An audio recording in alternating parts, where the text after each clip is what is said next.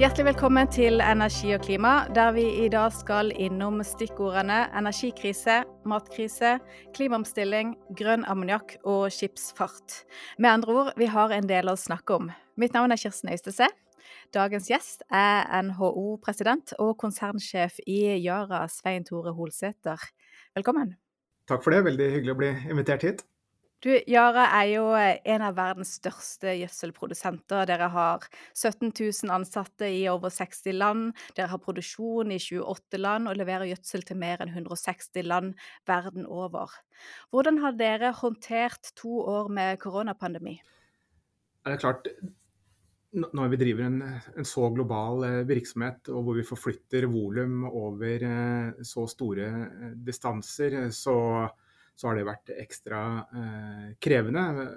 Men òg eh, veldig godt å se hvordan organisasjonen har eh, håndtert en sånn eh, krise. Og, og, det går tilbake på eh, hva vi står for og hva vi gjør som selskap. Og det er nært knyttet til eh, matproduksjon.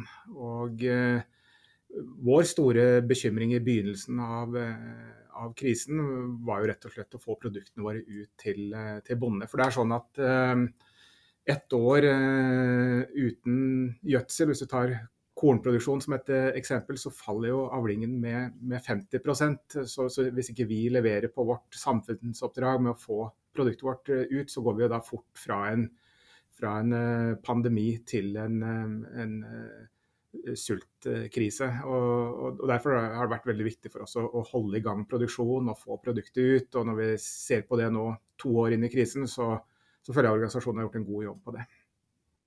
Og De siste månedene så har vi ikke bare hatt uh, en koronapandemi, men vi har også fått en energikrise, eller en energipriskrise. Og Den har truffet oss hardt. Og høye gasspriser er jo en av de viktigste faktorene i dette bildet. For den norske stat så, så, er jo dette god butikk, milliardene ruller inn. Men for dere som er en stor forbruker av naturgass, så fører rekordhøye gasspriser til at det blir dyrere å produsere gjødsel. Og når gjødselprisene går opp, så går til dels matproduksjonen ned, og maten blir dyrere. Og koronapandemien har allerede ført til at flere lever i ekstrem fattigdom i dag enn for to år siden. Dyrere mat kan skyve enda flere mennesker ut i sult og nød. Hvor alvorlig ser du situasjonen i dag? Ja, Det er eh, svært alvorlig. Og eh, vi har snakket eh, og kommunisert rundt det her i, i lang tid nå. Egentlig helt tilbake til april 2020, når vi, vi, vi så hvordan det her kunne utvikle seg. Og så har det da blitt verre og verre. Eh, eh, og det er jo de mest sårbare som blir truffet uh, igjen. Som David Beasley, som leder Verdens matvareprogram, sier, så, så, har jo de mest sårbare delene av verden allerede blitt truffet av de tre c-ene. Altså, nå bruker jeg engelsk, da, men altså, conflict. det er de som er truffet hardest av klima. Det var de som ble truffet hardest av covid. Eh, og nå kan vi ta en C til, eh, kast. Altså rett og slett eh, kostnadene for å produsere mat har gått opp også. Så, så de som ble hardest truffet på, på, veien inn i pandemien, er, er, de som ble truffet hardest nå også på veien ut av pandemien. Og, og vi har allerede sett at over 100 millioner flere mennesker går sultne til sengs nå enn før pandemien. Og eh, det er flere som eh, nå står overfor eh, rett og slett hungersnød. Og det der er, det er ikke enkle løsninger som må på plass for å, for å håndtere det her. Men, men, det er en, en, svært alvorlig situasjon hvor verdenssamfunnet nå må reagere nesten umiddelbart hvis vi skal hindre de, de aller verste konsekvensene av det. Mm. Dere har jo en forretningsmodell der dere er relativt tett på bonden. Hva forteller de om eh, hvordan de ser situasjonen nå for 2022 og utover? Ja, og det, det avhenger jo litt eh, hvor i verden man eh, er. I, i deler av verden så, så, er det jo sånn at matprisene også har gått opp. Og det, det, det er jo krevende for, for veldig mange det, overalt i verden. Og det ser vi jo også her i, i, i Norge at, at, man har fått høyere strømregninger. Nå kommer høyere matpriser på toppen av, av det. det.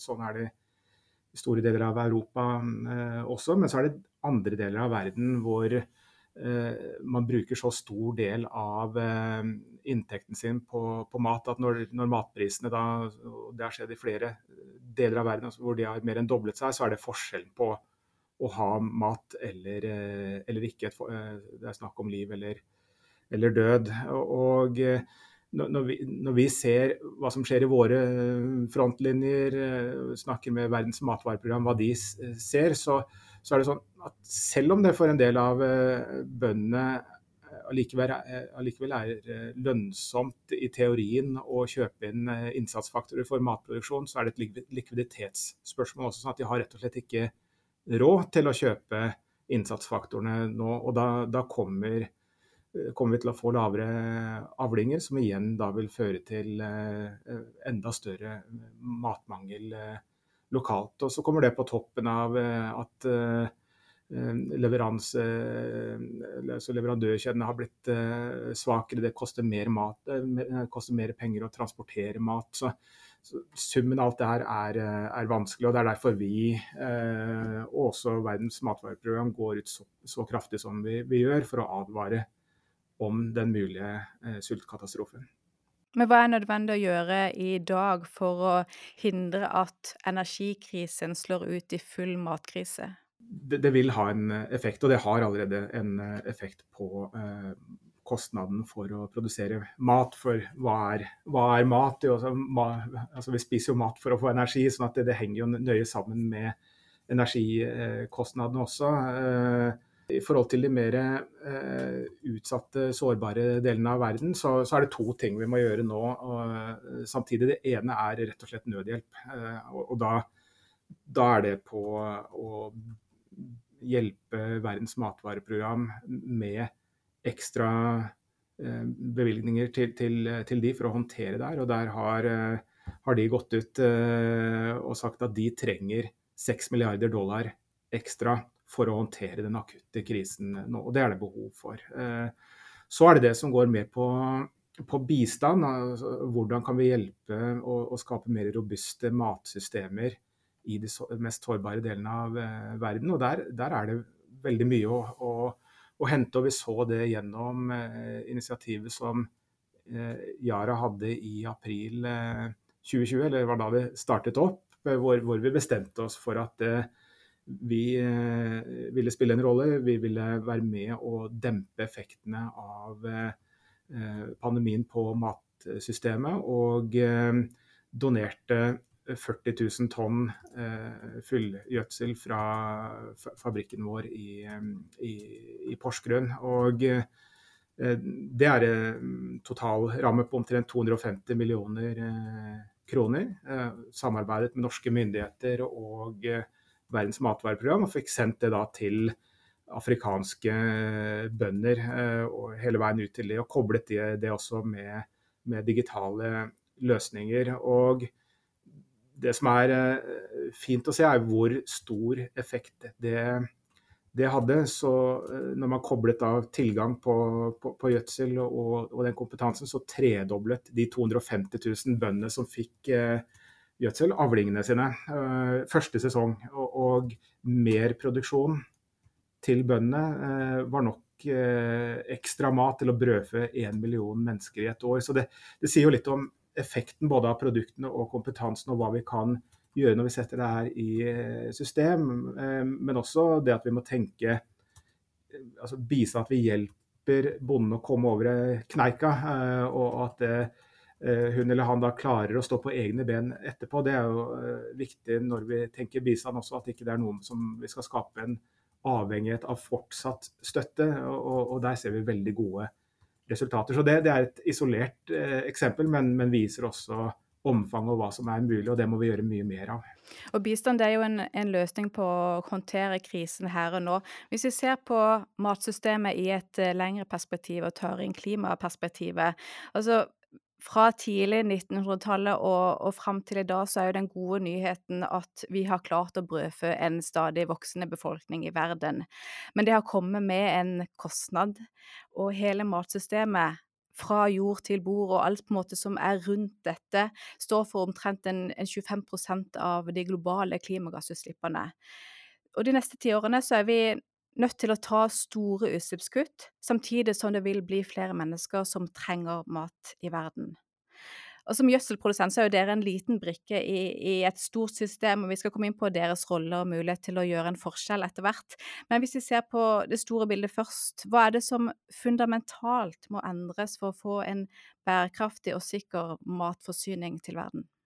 Ja, eh, og, og, og, her vil jeg først uh, gå en uh, eh, 120 år tilbake i tid. fordi vi, i, i de utfordringene vi sto overfor da, så, så var Yara en veldig stor brikke i løsningen av matsystemet på den tiden. fordi da sto Europa overfor en sultkatastrofe som et resultat av befolkningsvekst som følge av den industrielle revolusjon. Og eh, bonden klarte rett og slett ikke å produsere nok mat til å, å brødfø en, en, voksende eh, befolkning. Og det, Grunnen til det er eh, rett og slett at man, altså når man tar avling ut av åkeren, så tar man jo også næring ut av åkeren. Og hvis man gjør det i, i stort tempo til at ikke naturen eh, klarer å få næringen tilbake, så vil man etter hvert få lavere avlinger. og Det var det, var det man så. Og, og man trengte å få næring tilbake igjen i åkeren. Og Det viktigste er da nitrogen.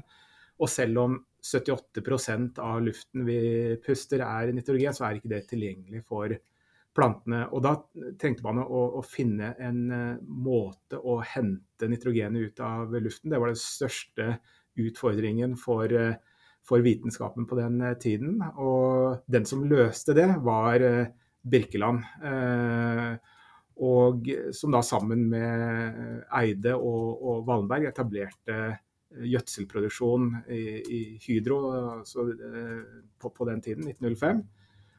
Og eh, da produserte mineralgjødsel sånn at man kunne øke matproduksjonen. Så Sånn sett så, så, så har man da vært med å, å, å, få en løsning på et stort problem på den tiden. Og, og det er faktisk den oppfinnelsen som har spart flest Eh, liv. Altså det, det, eh, halvparten av verdens befolkning i dag får mat pga. Uh, gjødsel. Så det har vi all grunn til å være stolt av. Så må vi da klare å gjøre to ting på en gang eh, nå fremover. Det ene er å, å, å skaffe til veie mer mat til en voksende befolkning frem mot eh, 2050. Men vi må samtidig redusere utslippene.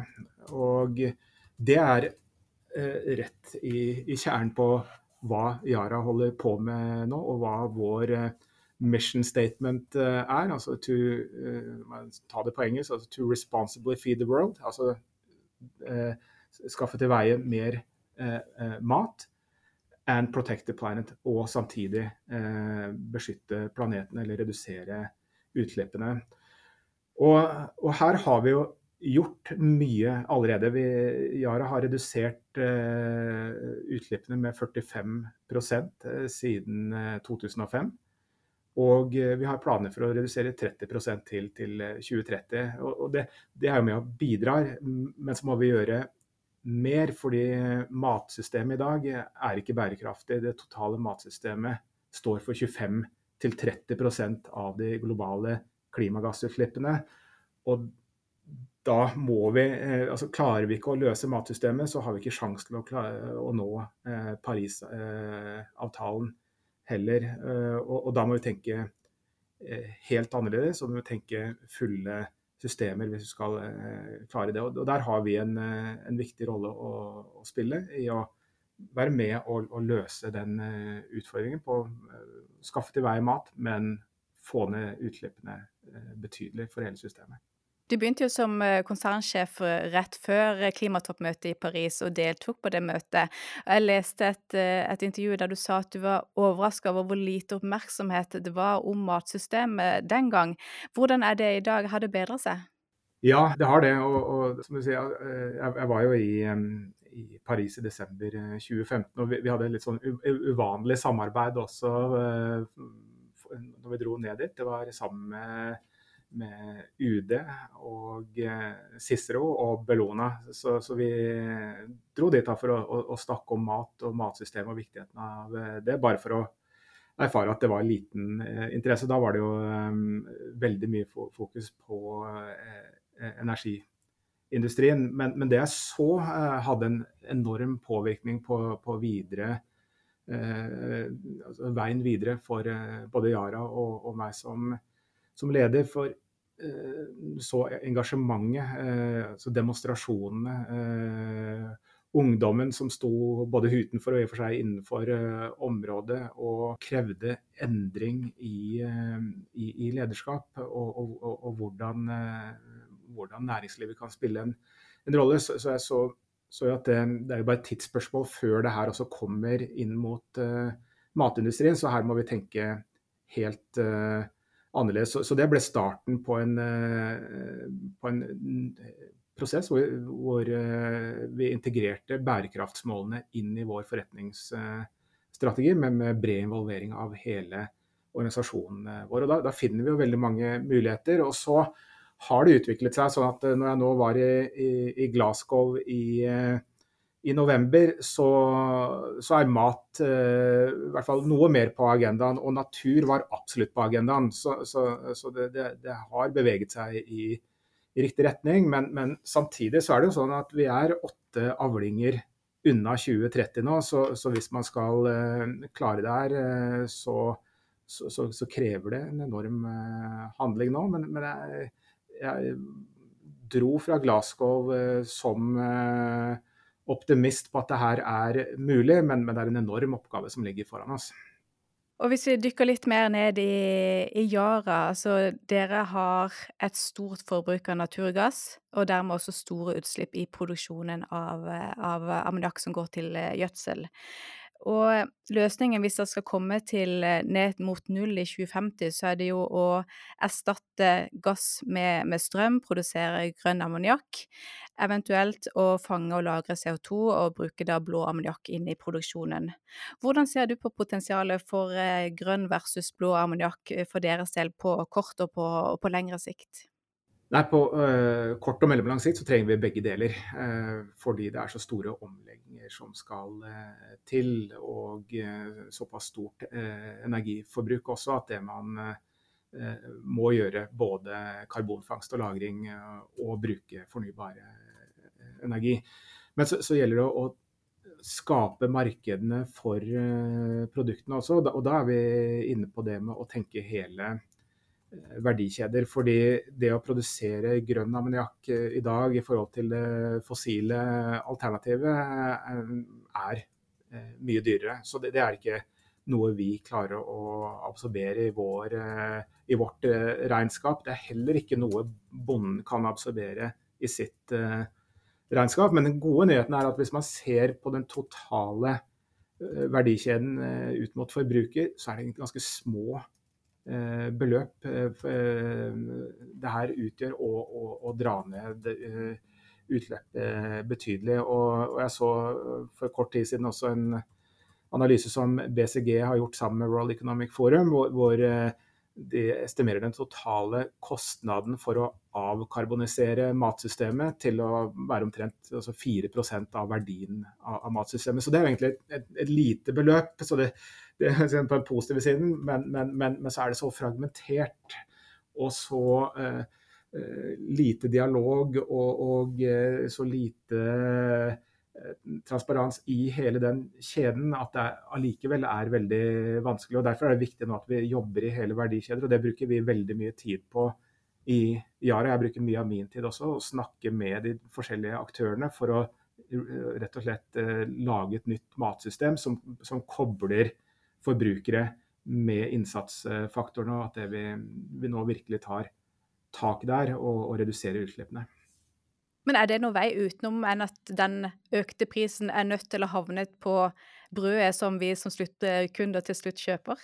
Nei, eh, og, og her er det Fordi den, det, det, du betaler for maten i, i, kassa på butikken, er egentlig bare en del av kostnaden ved matsystemet. Vi må tenke annerledes rundt, rundt det. Fordi når matsystemet står for si 25-30% av de totale klimagassutslippene, så har det noen andre kostnader også. Om det er naturkatastrofer som følge av klimaendringer, forurensning som påvirker helsen, eh, biologisk mangfold.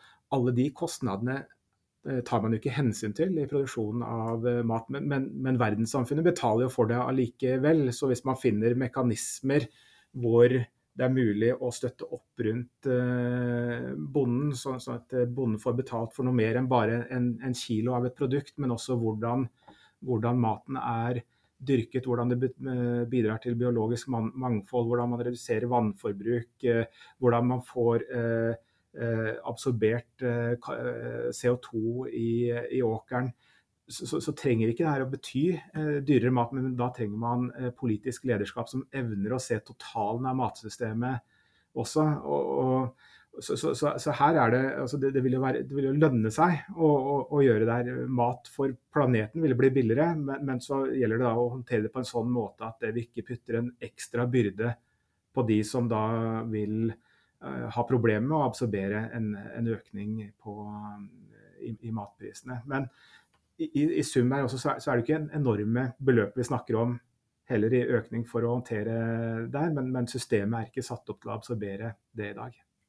Og at, som du sier, det vil lønne seg for planeten, det er kanskje ikke et perspektiv som er helt forstått? Nei, det, det er ikke det. Eh, og, og, og, her er det viktig, derfor er det så viktig å, å, jobbe mellom næringsliv, organisasjoner og myndigheter for å skape den totale forståelsen av hva vi kan få til hvis vi, hvis vi gjør det her sammen. Eh, og alternativene er jo ikke noe gode. Altså, vi, kan ikke bare, bare fortsette vi kan ikke bare fortsette sånn som vi, vi gjør nå, fordi da, da, mister vi kontroll på, på klimaet. Da, da, da, vil vi ha helt enorme kostnader. Og vi har sett det nå i, i pandemien også, hvor langt myndighetene må gå når man mister kontroll på en, på en situasjon. Og det, det, er jo da tross alt på en situasjon hvor alle opplevde eh, krisen og forsto krisen. Det som bekymrer meg på på klima, er at det eh, vil nok mennesker forstå hvilken krise det er, før vi passerer eh, altså punkter hvor det er irreversibelt. Og det, det, er kanskje den største bekymringen, at eh, vi ikke føler det her kraftig nok før det allerede er for, eh, for seint. Eh, så her har, vi, her har vi en stor utfordring i å forklare det også. Men det grønne skiftet for deres del, altså du sa at eh, grønn ammoniakk i dag det er jo ikke konkurransedyktig, derfor ikke det betalt igjen i verdikjeden per i dag.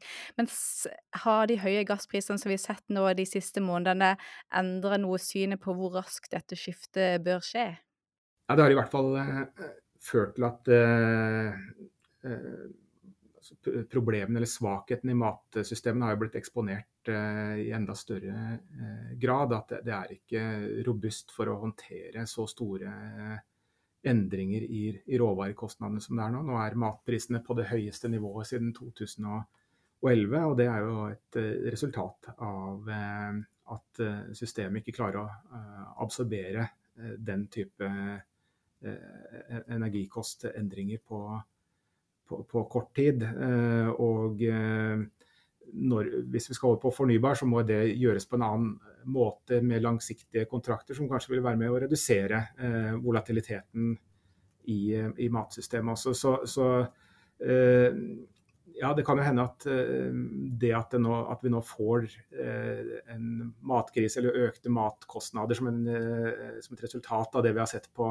energi, siden vil, vil være med å, å, løfte mat på diskusjons... Eh, altså prioriteringsrekkefølgen, sånn at vi gjennom det kan, eh, kan eh, begynne å ta konkrete grep sammen med, med, med politikere og hele, hele leverandørindustrien inn mot mat.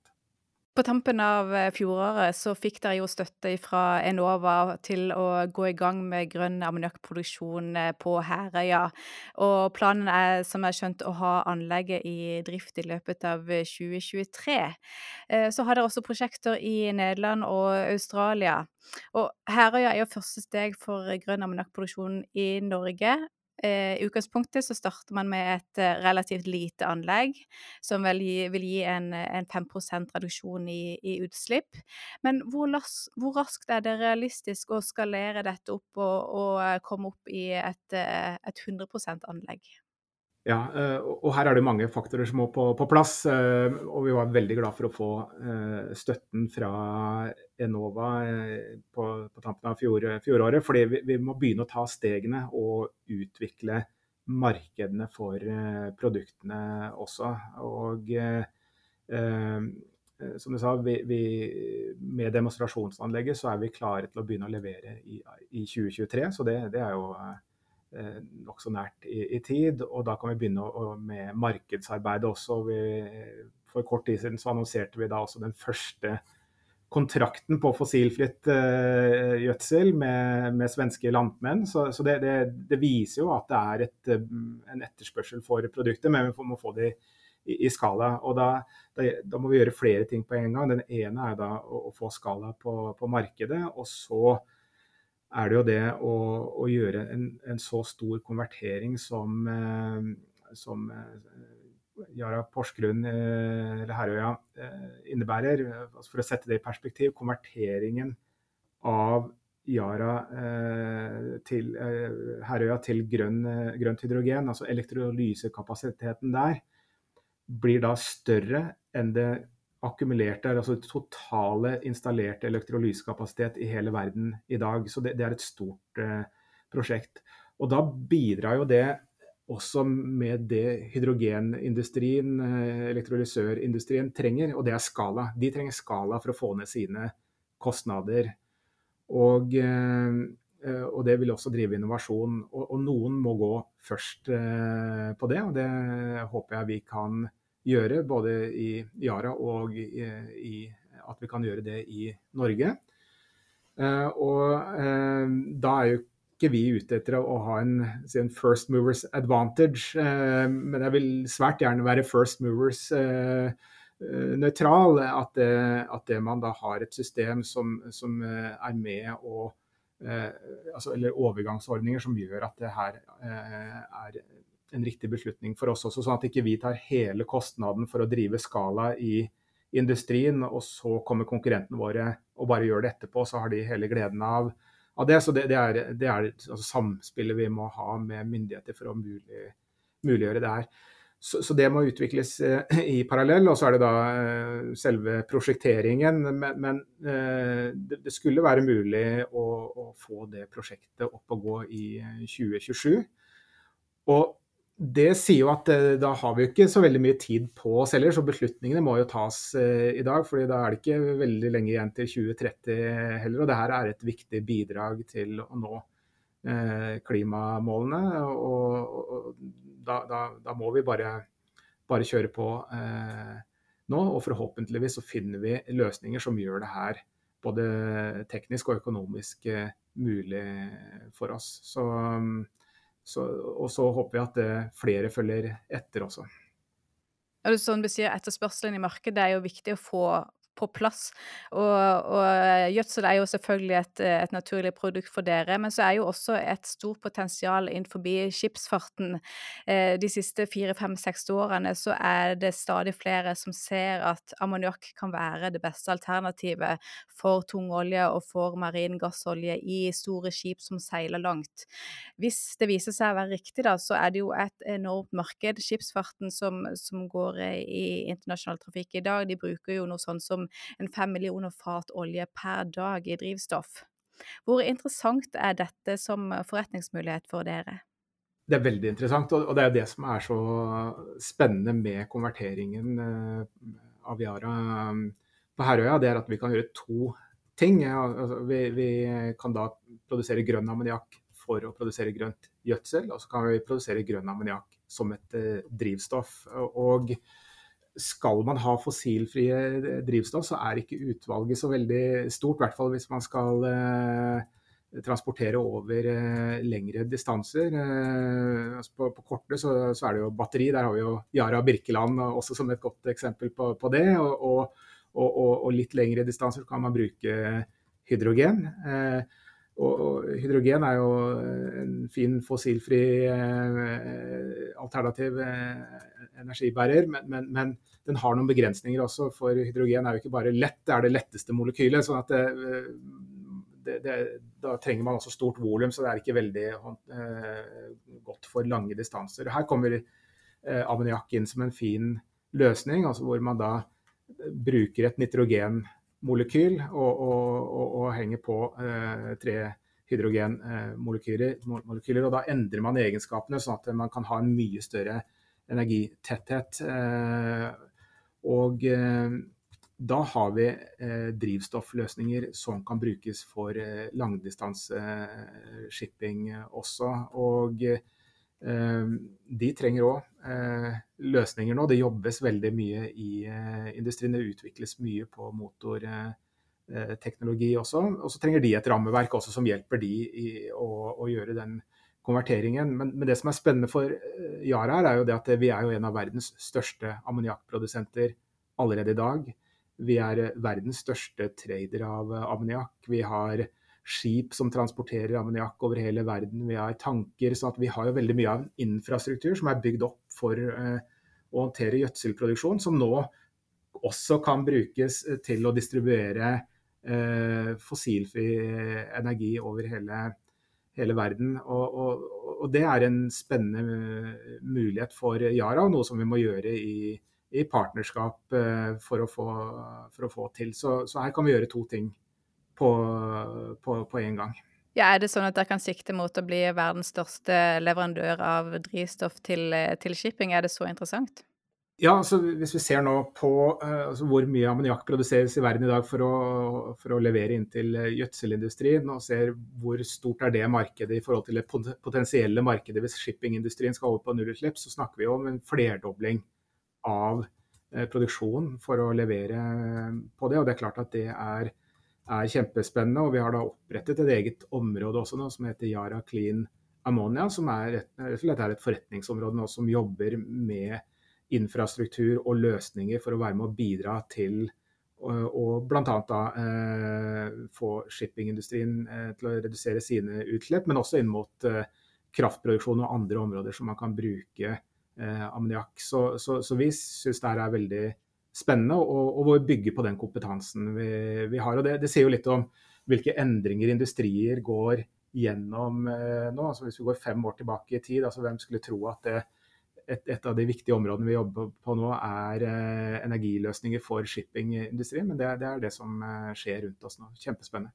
Men når kan det bli lønnsomt, da? For i, i dag så er jo tungolje eh, altfor billig, for å, for å, si det sånn. Ja, og, og, og det er det som er, jeg syns er veldig spennende med shippingindustrien. Fordi det er et uh, område hvor, altså, hvor F, altså, stor, altså, hvilken innvirkning det har på sluttproduktene som de transporterer, er jo nesten ingenting. Altså hvor, hvor mye mer vil det koste å, å å flytte en uh, flatskjerm fra, fra, Kina til USA uh, med ammoniakk istedenfor tungolje, eller uh, et par sko, eller hva det var. Altså, det, det, er så lite at, at, det vil jo ikke gjøre noe utlag i det hele tatt. Så sånn sett så er det veldig spennende. Men det er jo en konkurranseutsatt industri, så de trenger også en regulering rundt det som bidrar til innføringen av fossilfrie Eh, drivstoff. Og det ønsker de å, å, å ha også. Og IMO, eh, International Maritime Organization, spiller en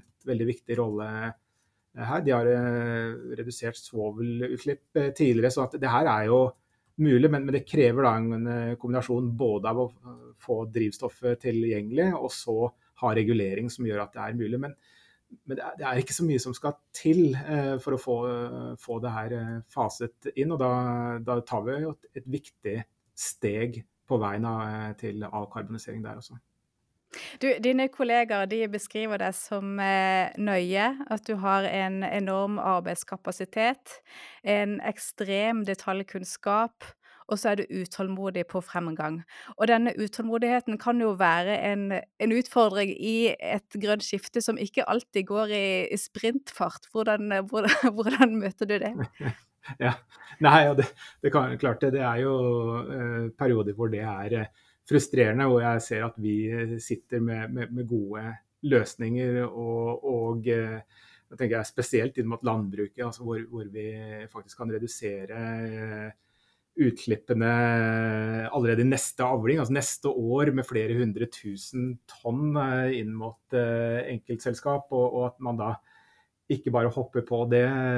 Klart at det er uh, frustrerende innimellom, men vi må tenke det lange uh, i, i, altså lengre tidsperioder her frem mot 2030. men, men, men men det er også en av grunnene til at jeg har eh, engasjert meg mye eh, internasjonalt, også på de forskjellige arenaene. Om det er gjennom eh, FN. Jeg hadde mulighet til å snakke direkte med FNs generalsekretær forrige uke. Det vi gjør gjennom World Economic Forum, det vi gjør gjennom World Business Council for Sustainable Development, Food and Land Use Coalition, er, er på mange av de arenaene. Og det er nettopp for å få ut budskapet hvor viktig rollen til bonden er i å nå eh, klimagassreduksjonene, og at det er ikke en byrde vi bare kan putte på skuldrene til bonden. Her må vi bidra til løsninger som legger til rette for at bonden får insentiver for å, for å bidra til eh, reduksjonene. Og så, så, det, det, handler egentlig om å jobbe konsistent og, og, få det budskapet ut der, så det er forstått. og det er overraskende hvor lite kunnskap det er om uh, akkurat det. Så det understreker vel bare viktigheten. Men det er nok en riktig beskrivelse at det er perioder hvor jeg er relativt frustrert over at det her ikke går raskt nok. Så utålmodig på jobb, men også veldig utholdende, i hvert fall på, på fritida. Du, du, løper noen helt vanvittig lange løp. Blant annet så deltok du på Bislett 24, der det er om å gjøre å løpe så langt som mulig på 24 timer. Hva er det som får deg til å bli med på noe sånt? ja, du har gjort undersøkelser, hører jeg. Nei, altså det, det, er jo For meg så, så, er det vel Det med løpingen, det, det, det, var eh, en beslutning jeg tok for uh, nesten ti år siden. Altså hvor jeg måtte ta et, et valg etter veldig mange år uten trening i det, i det hele tatt. Så det, et helsevalg ene eller andre veien. Og da da var det så, hvilken trening kan jeg få mest ut av på minst mulig tid. Eh, og, og, da kom jeg vel til løping, og så, og så, har jeg vel eh, innimellom et problem med å gjøre ting med måte, da, sånn at det, det ballet litt eh, på seg. Men, men, men det, det, er, det, er, altså, Når jeg reflekterer over det nå, så er det egentlig den mentale siden som er enda viktigere enn Eh, for, for, meg nå, altså den mentale helsen. Eh, det var ikke det som startet meg, det var rett og slett fordi jeg var i ferd med å bli ganske stor. Eh, så, så det, det,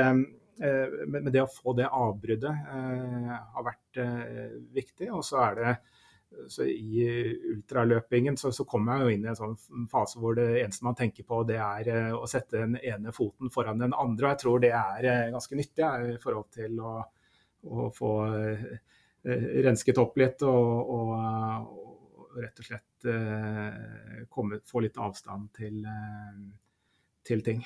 Så du klarer ikke å bruke disse timene på å tenke ut noen, noen nye forretningsmuligheter eller eh, gode planer?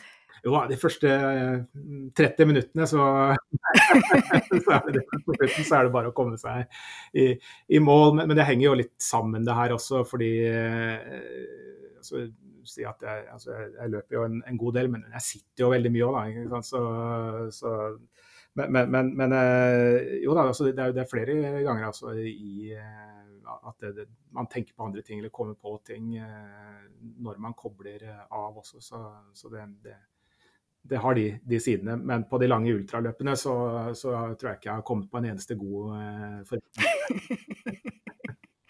Men er det et sånn ultimat ultraløp som du eh, sikter mot og har lyst til å delta på? Ja, jo, jo, da, altså det, er mange som jeg syns er uh, veldig ålreit.